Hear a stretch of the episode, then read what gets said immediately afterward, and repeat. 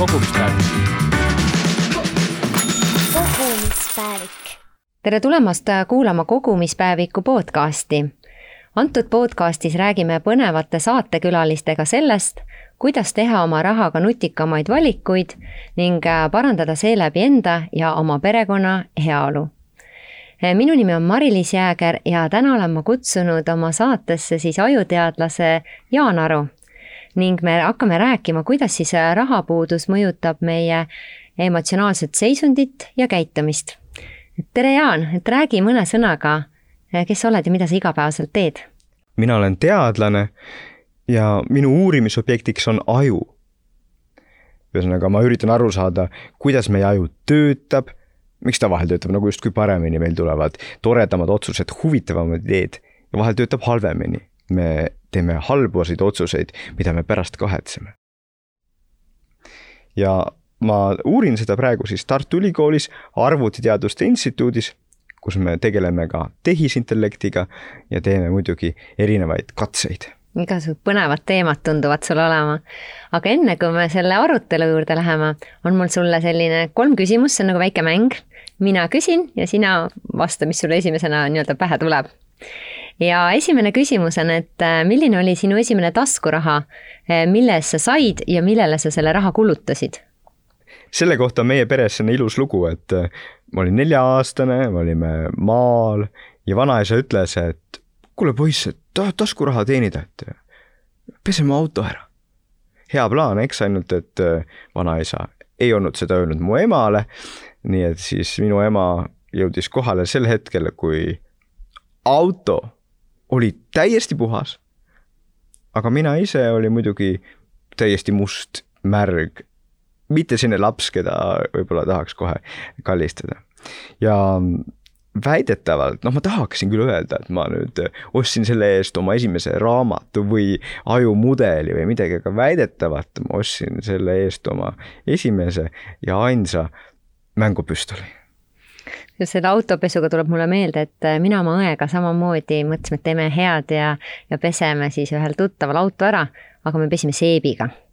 nii et sa võid ise kujutada, milline rõõm siis sellel auto omanikul oli aga teine küsimus, kas sa oled oma elus ka emotsioonioste teinud ja kui oled, et äh, mida sa ostsid ja millal sa seda tegid, oli see ammu? Õnneks võib öelda, et väga tihti selliseid asju ette ei tule, isegi kui ma hakkan nüüd mõtlema, siis tõesti ausalt viimastest aastatest ei tule ühtegi näidet, võib-olla isegi viimastest dekaadidest, et ma nagu väga aktiivselt üritan ostmist vältida et ma nagu ainult äh, ostan nagu raamatuid ja siis tegelen nendega ja teen oma tööd. Õnneks on mul perekond, kes mind toetab asjadega, mida ma vajaksin, eks, ja võib-olla nemad teevad vahel nagu ähm, mingeid selliseid ostusid, aga äh, seda ma ei kommenteeri, eks, no ma räägin endast.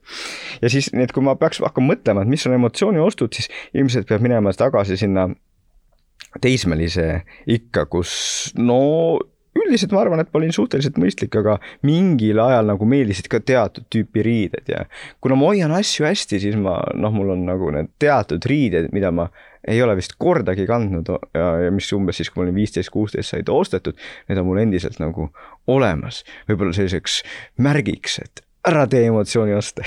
jah, et hoiad parem alles neid asju kõiki, oma lastele saab pärandada. näidata, et isa tegi sellise emotsiooniostu, ära sina tee ja, ja küsin kolmanda küsimuse, et äh, kui sa saaksid ootamatult üks miljon eurot, et äh, mis sa sellega teeksid? teadlaselt seda küsimust küsida on nagu vastus lihtne, et ma, ma, ma aitaks omaenda uurimistööd, et teadlaste probleem on see, et meil on nagu seda, selleks, et uurimistööd teha, on vaja, on ju, inimesi palgata, aga seda raha on teadlastel väga vähe nii et kui keegi saaks miljon eurot, siis oleks kohe võimalik seda nagu kasutada siis seda oma labori sisseseadmiseks, inimeste palkamiseks ja nii edasi. ilmselt ma peaks osa panema ka oma nagu äh, vana talumaja restaureerimisse ja ma peaks nagu osa panema oma tütre ja poja tulevikufondi aga hea kindlasti, kindlasti nagu keskne osa sellest äh, võiks minna ähm, nagu teadusesse ja noorte teadlaste ähm, palkamiseks ja aitamiseks. aga mis see praegu see teema on, mida sa nii-öelda sügavamalt uurid?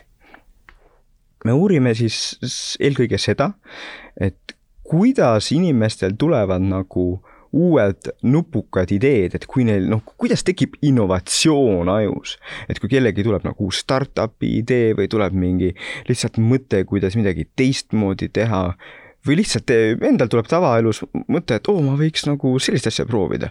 et äh, selle kõige taga on ajus mingi mehhanism, me tahaksime seda paremini mõista, et seda ka nagu oma noortele ja lastele nagu õpetada. et äh, õppimine ja maailmast arusaamine ei ole mitte ainult nagu mingite teadmiste omandamine, vaid eelkõige ka see, kuidas me neid teadmisi kombineerime, nii et tulevad uued nupukad ideed mm. -hmm. uute, uute siis mõtete nii-öelda või seoste loomine mm. -hmm. aga lähme siis äh, oma tänase teema juurde, et äh, nii-öelda aju ja rahaasjad ja rahaline käitumine, et, et kas seda on võimalik muuta. kuidas siis ikkagi on seotud äh, aju ja need rahaasjad, et, et räägi ma arvan ka, et mõni vaataja võib ka mõelda, mis see ajuteadlane seal nagu rahaasjadest räägib, et ajuteadlane kindlasti ei ole väga rikas, teadlased üldiselt ei ole väga rikkad, eks ähm,. aga mida me tihti ei teadvusta, on see, et kõik mis me teeme, nagu tuleb nagu ajust, eks, et vahel öeldakse, et oi, ma tunnen südamevalu või teen südametunnistuse järgi, tegelikult on ikkagi kõik, kõik sellised protsessid on ajus. nii et kui näiteks te kõhutunde järgi midagi otsustate ja ostate, siis tegelikult oli aju see, mis tegi, on ju. kui te tunnete ärevustunnet, sellepärast et on rasked ajad ja raha on vähe, siis see on ka protsess ajus, mida ajuteadlased saavad mõista, kui see ärevus läheb üle piiri, läheb liiga suureks, nii et inimesel on väga raske juba oma asjadega toime tulla. ka see on ajuteadlaste pärusmaa. ühesõnaga, ajuteadlane üritab kõigest aru saada, mis ajuga seotud on ja kuna kogu see keerukas inimkäitumine tuleb ajust ja on aju poolt tehtud, siis muidugi ajuteadlasel no vähemalt üht-teist on öelda, mitte midagi väga olulist võib-olla, aga nagu mõned sellised natuke teistmoodi mõtted võib-olla. aga kui see stress ongi nii suur, et äh, on mõni nupp, kuidas aju välja lülitada või, või mis need nipid siis äh, on? Nagu siin paljud vaatajad teavad ka, et ega lihtsaid nippe kunagi ei olegi, eks on ju noh, et mina ei ole see võlur, kes ütleb, et on mingi võluvits, et, et, et mida saab kasutada. me saame natukene arutada neid asju ja, ja, ja siin öelda, et kui rahaasjad teevad muret, et kuidas siis eh, üritada seda ära hoida, et üldse see stressikoht, see suur ärevuskoht tuleks, mida selleks saaks natukene teha, on ju. aga kui see juba on käes, eh, siis ei ole sellist päris sellist võluasja. mida me saame öelda muidugi on see, et kui stress on suur, kui probleem on suur, siis see, kui me lihtsalt istume ja mõtleme selle peale, kui asja, kui halvasti asjad on, et see ei ole see, mis aitab seda aju tihti tahab teha, ta tahab nagu selle asja üle nagu veel mõelda ja veel mõelda, aga pigem tuleb mõelda, et mis siis nüüd paremini teha, mis siis teistmoodi teha. aga seesama võib-olla see väljalülitamine ongi uni, on ju, et sa sellel hetkel sa tõenäoliselt nii palju ei mõtle selle mureasjade peale jah, noh, see on muidugi see selge seos, paljud ka teavad seda, et kui me oleme väga suures stressis, siis on ka raskem magama jääda näiteks. ja siis me magame halvemini ja nüüd oleme järgmine päev veel suuremas stressis, sest tõepoolest, nagu sa kenasti ütled, selleks, et stressi maandada, on vaja und. nii et äh, üks asi, mida võib soovitada, on see, et kui on väga raske olukord, ähm, siis tasuks ikkagi üritada see saavutada, et ma enne magamaminekut võib-olla natuke loen hoopis raamatut, mis sest, et nagu need kõik need rasked mõtted on peas, aga ma keskendun sellele raamatule, et saada hea uni ja siis järgmisest hommikust üritan nagu vaadata, et mida ja kuidas paremini, et selles suhtes see on üks selline lühiajaline võte küll. Ja et tegelikult uuringust tuli välja, et kui me oleme väga nii-öelda muretseme ja oleme stressis, siis me teeme, kipume rohkem tegema selliseid mõttetuid oste ja, ja, ja kulutusi. just see on väga-väga tähtis sellest aru saada, et äh, see on selline nagu selline surnud ring, jah, et kui me läheme stressi siis me teeme rohkem mõttetuid kulutusi, ka mõttetuid asju, halbu otsuseid. ja see omakorda teeb rohkem stressi, mis omakorda viib veel halvemate otsusteni ka ostmiskäitumises ja nii edasi.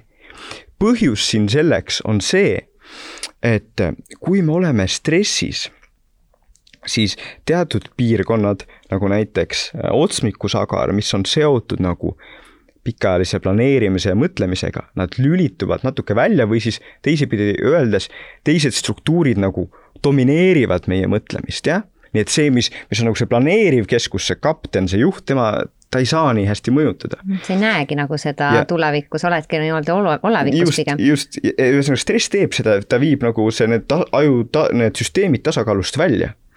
ja nüüd selle tõttu me teeme halvemaid otsuseid ja siis nagu öeldud, me satume sinna surnud ringi, nii et, nii et see, see on üks ilmselt kõige suuremaid probleeme, mitte ainult rahaasjade puhul, vaid igasuguse stressi puhul, et stress loob stressi ja me peame kuidagi sellest nagu ühel või teisel viisil nagu välja saama. jah, et väikeste sammudega tõenäoliselt äh, nii-öelda astuma, et, et pole mõtet võtta kohe selliseid suuri eesmärke, vaid pigem selliseid väikseid sammu muuta oma harjumusi. ja, ja üks asi, mida teada, on lihtsalt see, et vot inimaju, ta, ta teeb, tal on selline asi, et ta nagu kui on stressiolukorras, siis ta üritab leida nagu mingit kiiret lahendust noh, ühesõnaga, et me kujutame ette, et ajus on selline suur pinge ja ta üritab sellest pingest lahti saada, ta üritab seda maandada. nii et see ongi see olukord, kus tihti tuleb siis inimesel otsus, et aga vot ma nüüd näiteks, ma toon lihtsalt näite, et ma lähen kasiinosse ja ma võidan või ma võt, ostan sada loteriipiletit ja ma võidan.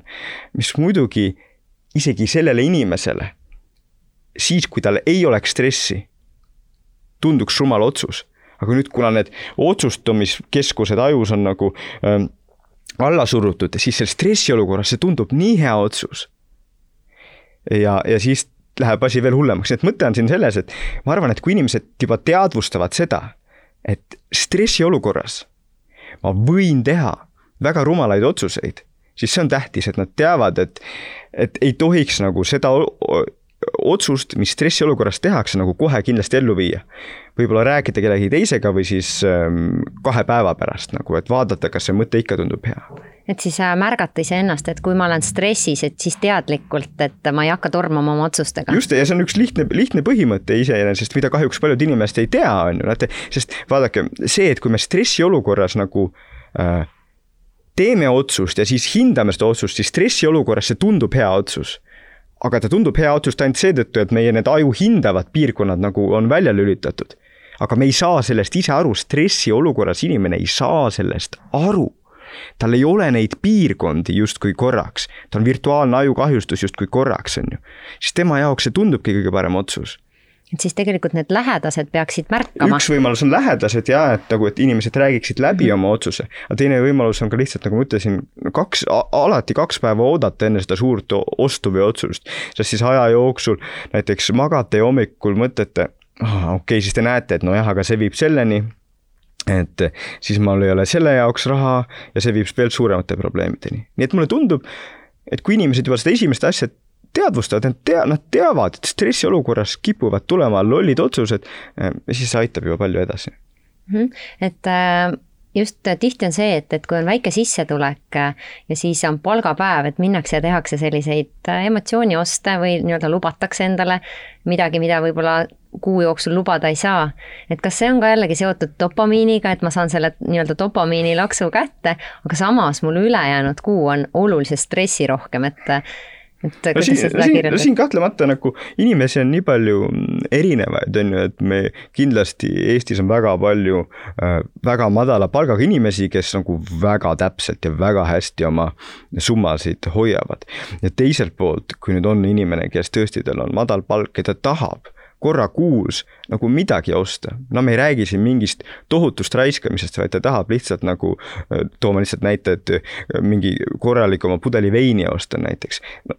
see, see on tegelikult okei okay.. probleem on alles siis, kui inimene niipea, kui tal raha käes on, ta nagu kohe laseb selle, sest on selline tunne, et nagu noh, lihtsalt mul on ja ma tahaks, et see on probleem et äkki on siis äh, see ka, et, äh, et kuidas ma ise mõtlen, et kas ma olen rikas või vaene, et äh, et mõni, kellel on väike sissetulek ja ta võib-olla väga hästi nii-öelda ei ole kõiki asju, aga ta tunneb ennast hästi ja tunneb, et tal on kõik olemas ja kõik on hästi. samas võib-olla teine inimene, kes on tasakaalust väljas, tal on sissetulek suur, tal on kõik olemas, aga ta ikkagi nii-öelda kulutab ja mõtlematult ja tunneb ikkagi, et on vaene, veel on vaja seda uuemat asja.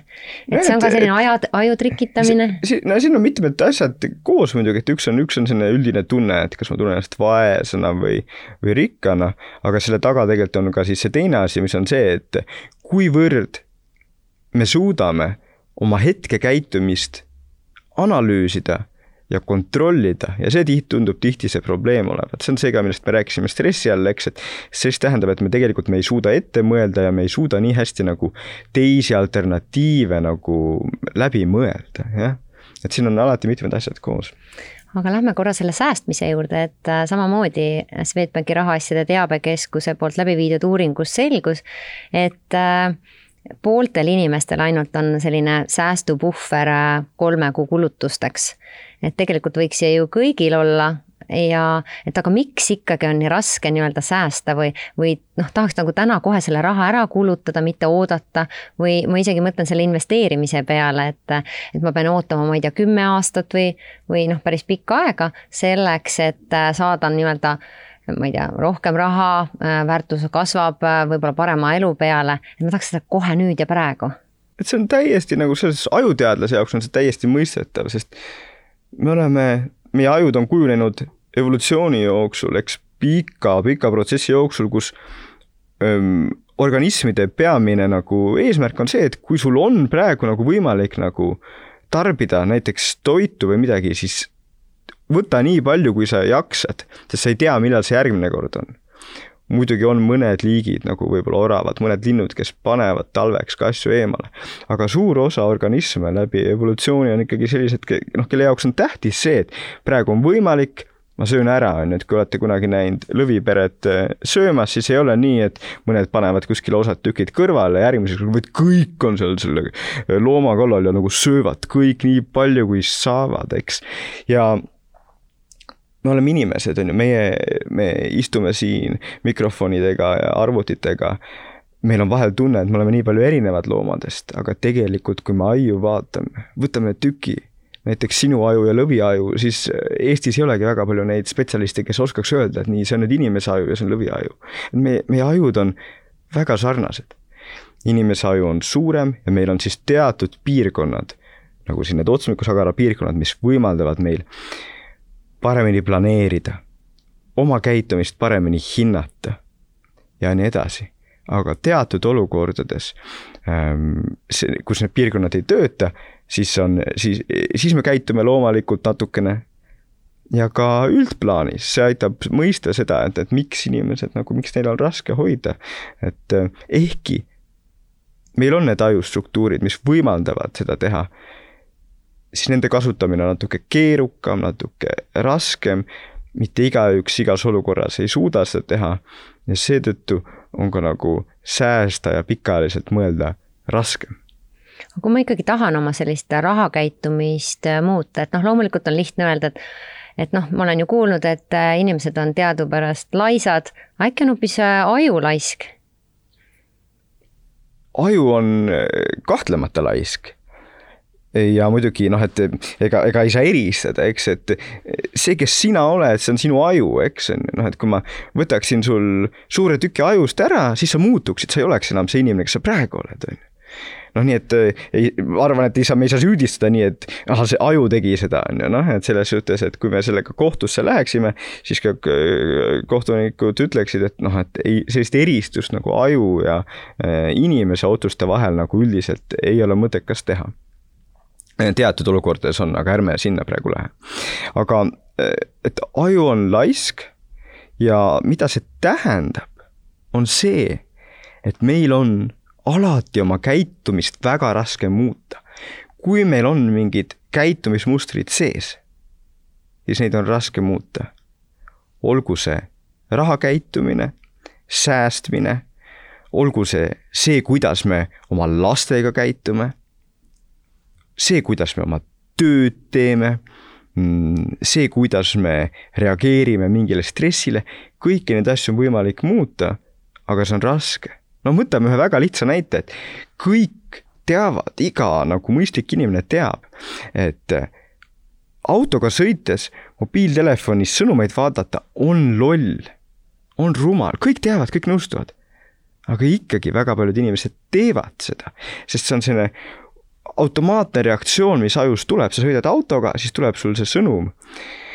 ja muidugi sa ühelt poolt võib-olla tead, et ei tohiks, aga siis nagu teiselt poolt tuleb see automaatne reaktsioon, kus sa haarad selle, eks. ja, ja seda on väga raske välja harjutada. ühesõnaga, see, see on see põhisõnum, et aju on laisk. see tähendab seda, et tal on need harjumused, mis tal on, on raske välja harjutada. aga me ei peaks kunagi selle taha peitu pugema vaid me peaks ka teadma, et see on põhimõtteliselt võimalik. et me peaksime ja tahaksime oma sellest laiskusest üle olla tegelikult äh, tulebki välja samamoodi selle ka säästmise kohta ja üldse rahatarkuse kohta, et äh, eestlased äh, tegelikult teadmised on päris head ja ka noorte seas, aga reaalses elus neid asju ikkagi ei tehta. ja, ja seal ongi siis võib-olla noh, nagu spordigagi, et äh, homme hakkan, on ju, et säästmisega samamoodi, et äh, homsest hakkan äh, koguma. aga et siis ongi mõistlik nagu, kuna sa juba tead, et, et selline laiskus on sees, pigem hakkan täna hakkan kasvõi väikeste summadega säästma, muudan selle väikse asja, väikse rutiini ära, et, et kui me võtamegi mingi suure eesmärgi, siis seda kohe saavutada on keeruline. et ma nüüd, ma ei tea, tulen töölt ära eh,, hakkan, noh, ma ei taha enam käia iga päev tööl, siis ongi see, et sa võib-olla hakkad niimoodi, et sa reedeti ei tee tööd või et hakkad sellist puhvrit endale koguma, et, et sul see võimalik oleks. just, et see on ka selline väga üldine asi tõesti, et inimene on selline noh, meil on suured mõtted tulevad, grandioossed näiteks, et nii, mul on nii palju mõtteid, ma kirjutan raamatu, eks. ja siis hakkad nagu, ah, täna ei ole hea, täna, täna ma tegelikult ei tunne, et mul see nagu oleks hea, et no tegelikult ma, ma hakkan homme ja siis probleem on selles, et see raamatu kirjutamine, ta võtab, on ju, noh, tegelikult noh, heal juhul aasta, mitu aastat, on ju. ja see on, iga päev on lihtne öelda, et no vahet pole, no mingit, mingit vahet pole. et ma hakkan homme ja ma tean mitut sõpra kellel on see kirjas olnud, see ülesanne, et kirjutada raamat ja nad ei ole aastaga mitte kuskile jõudnud. ja see nipp nii raha kogumises, säästmises kui ka raamatu kirjutamises peab olema see, et me ei pane, me võime panna endale selle suure eesmärgi, aga me võtame ka igaks päevaks selle eesmärgi, et äh, ma kirjutan täna ühe lõigu, äh, viissada tähemärki kas või, see on see, mida ma kindlasti teen, sest see on tehtav ja, ja iga päev teed niimoodi ja siis rahaga samamoodi. ja seesama, et äh, mul ei ole aega raamatut lugeda või et äh, rahatarkust ammutada, et äh, mina olen enda jaoks ka paika pannud, et ma igal õhtul loen, loen kas või viis lehekülge, loen kas või lehekülje, et ma tean, et mul see rutiin on sees, et, et muidu ei jõuagi. jaa, sest nii lihtne on, meie aju, meie aju on selline noh, et lihtne on mõelda, et meie, see, mis me nagu mõtleme ja ratsionaalselt otsustame, et see kontrollib, mis me käitume, tegelikult on ajus igasugu süsteeme jah, mõned tahavad kommi, mõned tahavad niisama mõnu ja siis on need, mis tekitavad meile sellise mõtte, et noh, kuule, praegu nagu noh, ei ole mõtet ju hakata seda äh, siin lugema või nüüd kirjutama, et kuule, vaata lihtsalt parem, mis seal Instagramis toimub no.. suudame ära põhjendada kõik need, äh, me... need valikud, enda valikud siis. ja, ja, ja noh, et äh, nagu vaatajad teavadki, et on inimesi, kes noh, ilmselgelt teevad valesid otsuseid, halbu otsuseid, aga kes nagu äh, ise, nad ei saagi sellest aru. noh, sest et nende aju nii hästi põhjendab ära selle, et see kõik niimoodi käib, on ju et ma ennast hästi ikkagi tunneksin. Yeah.. aga noh, kui ma päris palju ikkagi mõjutab nii-öelda meie taust, meie vanemad, meie uskumused, meie arusaamad elust, et et kui me mõtleme, et kus siin võib-olla see muutus saab tulla, on ikkagi jällegi noored ühtepidi me anname neile oma sellist tarkust ja, ja oma käitumisega eeskuju, aga kuidas neile jällegi, et kui nad isegi neid teadmisi me anname, teine asi, et nad hakkaksid nagu teisiti käituma, et, et kas on võib-olla mingit mõtet just nagu aju poole pealt, et, et kuidas seda sõnumit edasi anda, et toimuks mingi muutus? nojah, siin on iseenesest on väga lihtne ja ma arvan, et see ei, nagu ei kehti mitte ainult noortele, vaid paljudele, kes meid vaatavad praegu, paljud tunnevad, et tõesti, see oleks mõistlik nagu säästa, aga teavad ise, et nagu, et, et see ei tule nii lihtsalt, et mis see probleem on, probleem on selles, et me võime teha mingeid kampaania, kus me räägime, kuidas seda teha ja nii, aga see siis nagu kujutame ette, et see nagu aktiveerib ühe ajusüsteemi, aga käitumist kontrollivad teised ajusüsteemid, eks. et seni, kuni me, noh, see jutt jääb kõik siia ja ta, et noh, et ei ole otsest seost, et kuidas ta nagu käitumist muudaks, siis vahet ei ole, me võime rääkida palju tahame, aga see ei vii millegi, see on, see ei ole mitte ainult rahaasjades, see on näiteks teraapias või kui me üritame õpetada inimestele ükskõik mis asja käitumise kohta, siis kampaaniad ei ole väga äh, tõhusad. kampaaniad mida nad aitavad teha, on see, et inimesel tekib nagu teadlikkus sellest probleemist. aga see ei aita tal lahendada, ühesõnaga me tahame muuta seda käitumist, on ju, ja selleks ongi siis, kui, kui me näiteks psühholoogia valdkonnas vaatame, siis näiteks võtame lihtsalt väga lihtsa näite, et inimesel on kartus ämblik ees nüüd ma võin talle rääkida, palju ma tahan, et ämblikud tegelikult, noh, neid ei ole mõtet karta, nad ei tee, Eestis ei ole ühtegi mürgist ämblikut, mitte mingit kasu ei ole. ainus, mis töötab, on see, et siis terapeut läheb ini-, selle inimesega, nad lähevad siis, hakkavad järjest nagu selliseid väikseid harjutusi tegema, kus alguses vaatad seda ämblikku, kes on klaaskapi taga, nelja meetri kauguselt, sul on terapeut juures, sul on äh, kõik nagu esmaabi asjad juures ja nii edasi, et sa tunned, et on turvaline ja siis samm sammud nagu lähemale sellele ämblikule. aga antud juhul siis me tahaksime, et lisaks sellele, et on kampaania, on ka konkreetsed nagu harjutused või viisid, äh, mehhanismid, kuidas nagu inimene saaks nagu seda äh, raha siis antud juhul näiteks säästa, kõrvale panna. et jutust ainult ei piisa, et peab nagu ähm, kas siis treenima seda käitumist või siis see jutt peab olema piisavalt täpne, et inimene saab nagu seda oma kodus tõesti rakendada. Noh, et äh, võib-olla tänapäeval need äh, raamatud, mis on, ongi seesama, et on nii-öelda tekst ja siis on see, et nüüd proovi seda, tee läbi, äh, sellel kuul säästan, ma ei tea, kümme eurot, sada eurot et tehagi neid, kohe pakkuda nii-öelda natuke ka lahendusi, et kust ma saan kokku hoida ja, ja kindlasti need gruppidesse kogunemised, et näiteks ka kogumispäevik, et eh, sarnaste, sarnase mõtteviisiga inimesed on koos või ka need, kes tunnevad, et ma tahan teha seda muudatust, ma tahan hakata koguma, aga üksi on seda võib-olla raske teha ja võib-olla sul pole ka perekonnas toetajaid. et siis on ikkagi needsamad samade huvidega inimesed, kes siis üksteist toetavad, inspireerivad, et eh, kuidas mina hakkama saan ja mida mina selleks tegin tegin. see on väga, see on väga tähtis, see on, see on tõesti väga tähtis, et ja see on palju tõhusam kui kampaania, äh, kui teised inimesed, kellega sa suudad samastuda, äh, räägivad oma lugudest, räägivad, kuidas nemad seda tegid. sa näed, et teised saavad hakkama ja sa julged võib-olla küsida, kuidas täpselt, eks. aga ma arvan, et selle kõige aluseks peab olema ka see, et inimene nagu jõuaks sinnamaani, on ju, et tal on üldse mingi teema sellega. et ta teadvustab, et tal on et on probleem ja teiseks, et ta teadvustab, et see on võimalik seda muuta. see on raske, aga see on võimalik. sest võib olla ka inimene, kes, inimesed, kes ütlevad, ah oh,, mina lihtsalt olen selline, mitte midagi pole teha, kui ma raha kätte saan, siis ma, siis ma raiskan selle ära, nii on. aga ei pea nii olema. me saame ennast muuta. see alati vajab natukene sellist pingutust, sest nagu ma ütlesin, aju on laisk, ta tahaks minna alati sellesse automaatsesse käitumismustrisse. see on mõnus, seda aju tahab teha. aga me oleme inimesed, meid eristab teistest loomadest see, et kui me tahame, siis me võime neid käitumusi muuta aga kas näiteks sellised äh, VR-prillid või asjad aitaksid ka, noh et üks ongi see sõnum näiteks, et äh, tee endale selline meelerahufond Äh, aga et kõrvale siis äh, selline, ma ei tea, et sa tunneksid seda, et ahah, kui ma teen, astun selle sammu, siis juhtub nii, kui ma teen selle teise sammu, siis juhtub nii. kas sellest äh, võiks abi olla, et sul tekiks nagu see arusaam või tunnetus või pigem ja siis jah, kolmandaks sinna juurde, et nüüd ma päriselus rakendangi seda, et pean mingi ülesande nii-öelda challenge'i näiteks võtma kuuks ajaks ja, ja noh, edasi sealt minema. ja, et noh, VR-prillid on jah, selline üks asi, mida võib proovida, aga noh, nagu me kõik teame, neid on nagu raske nagu iga, iga inimeseni viia, seega mulle tundub, et noh, et praegu on tunduvalt äh, mõistlikumaid ja lihtsamaid viise, kuidas seda teha.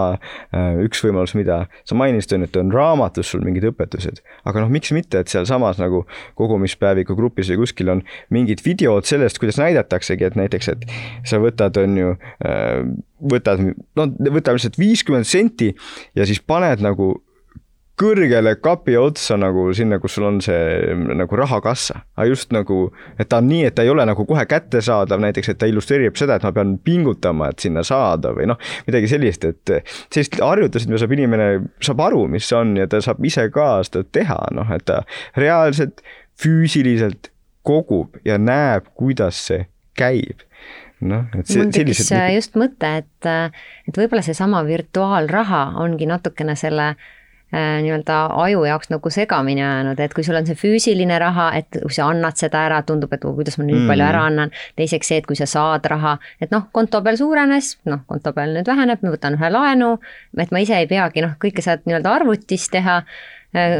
numbrid lihtsalt muutuvad, et kui see oleks nii-öelda noh väga pikka aega olid need nii-öelda asjad või söök või kuld, mida siis vahetati, et et kas siin võib ka see, see mängida rolli? no selge, selge see ja teiseks see, et meil on ikkagi selline ühiskond ja noh, kus on nii palju informatsiooni, nii palju toimub kogu aeg, et kui me läheme äh, ütleme siin kasvõi äh, nelikümmend aastat tagasi, mis siinsamas meil Eestis oli, on ju, et inimestel on, kui neil on vähe raha ja nagu noh, et, et sul ei ole ka samas nii palju igasugust segavaid asju, siis sa oled tunduvalt nagu mõistlikum selle rahaga. aga nüüd, kui sul on vahepeal raha liigub ja sa ei näe nii hästi seda liikumist, nagu sa esile tõid, aga lisaks on ka see, et sul on lihtsalt nii palju asju, mis äh, vilguvad sulle seal netipoodidest midagi pakuvad või lihtsalt äh, jälle see koroonamured, raadio käib taga, sõnumid tulevad, siis see jällegi kõik nagu lülitab seda nagu seda mõtlevat osa ajust välja ja kohati siis tulevad jällegi seetõttu nagu rumalad otsused, meil on lihtsalt nagu ülekoormus, mis nagu lülitab seda planeerimist ja selliste alternatiivide nägemist välja. aga siis võib-olla ongi hea nii-öelda korra sellest välja astuda, lülitada need kõik segajad välja, ma ei tea, minna loodusesse, et saaksid endas tasakaalu, et ja kui ma võtangi sellist võib-olla tänasest, tänast juttu kokku, et kuidas siis seda rahaasjade nagu stressi ja ärevust vähendada. et üks asi on ikkagi teadvustada, et mul on probleem, et ma tahan muuta, et ma tahan, et mul oleks nii-öelda vähem sellist ärevust et siis ongi ikkagi vaadata otsa, leida need äh, nii-öelda kogukonnad, et siis üksteist toetada ja et nii-öelda kust minema üldse hakata. Äh, või siis täitsa küsidagi nõu mõne nõustaja käest Äh, siis äh, seesama, et äh, need väiksed sammud, et hakata raha natukene kõrvale panema, harjutada sellist, et ma kogu aeg, palgapäev tuleb, panen osa raha kõrvale, seda ma ei puutu, ainult siis, kui nii-öelda erandkorras. ja, ja kolmandaks tõesti iseennast märgata, et küsida endalt, miks ma neid asju teen, äkki ma tegelikult tahan hoopis lähedaste inimestega koos olla, aga, aga ma siis olen seal internetis ja, ja lõpuks lähen ostan mingeid mõttetuid asju lihtsalt on sul midagi siia lisada? no see asi, millest me alguses rääkisime, et inimesed oleksid väga teadlikud, et nagu nii kui on stress või või kui nad on väsinud või kui on lihtsalt nagu selline raskem olukord, et siis tasuks nagu suuri oste pigem mitte teha, sest see on selline loll äh, asi, mida meie aju teeb, kõikide aju. et kui me oleme stressis, me oleme väsinud, siis me kipume tegema otsuseid mida me tegelikult nagu nii-öelda selge peaga, selge mõistusega kahetseksime. ja selle teadvustamine on minu arvates juba üks väga tähtis asi mm. -hmm aga suur-suur tänu, et sa leidsid aega, et siia tulla ja oma mõtteid jagada. et kindlasti soovitamegi siis oma rahaasjadele otsa vaadata, mõelda, kuidas teil selle stressitasemega on, et, et kui palju oleks vaja siis muutusi teha. ja alustage väikestest muudatustest, et siis on ka homme parem elu ilusat päeva! aitäh! aitäh! kogumispäev. kogumispäev.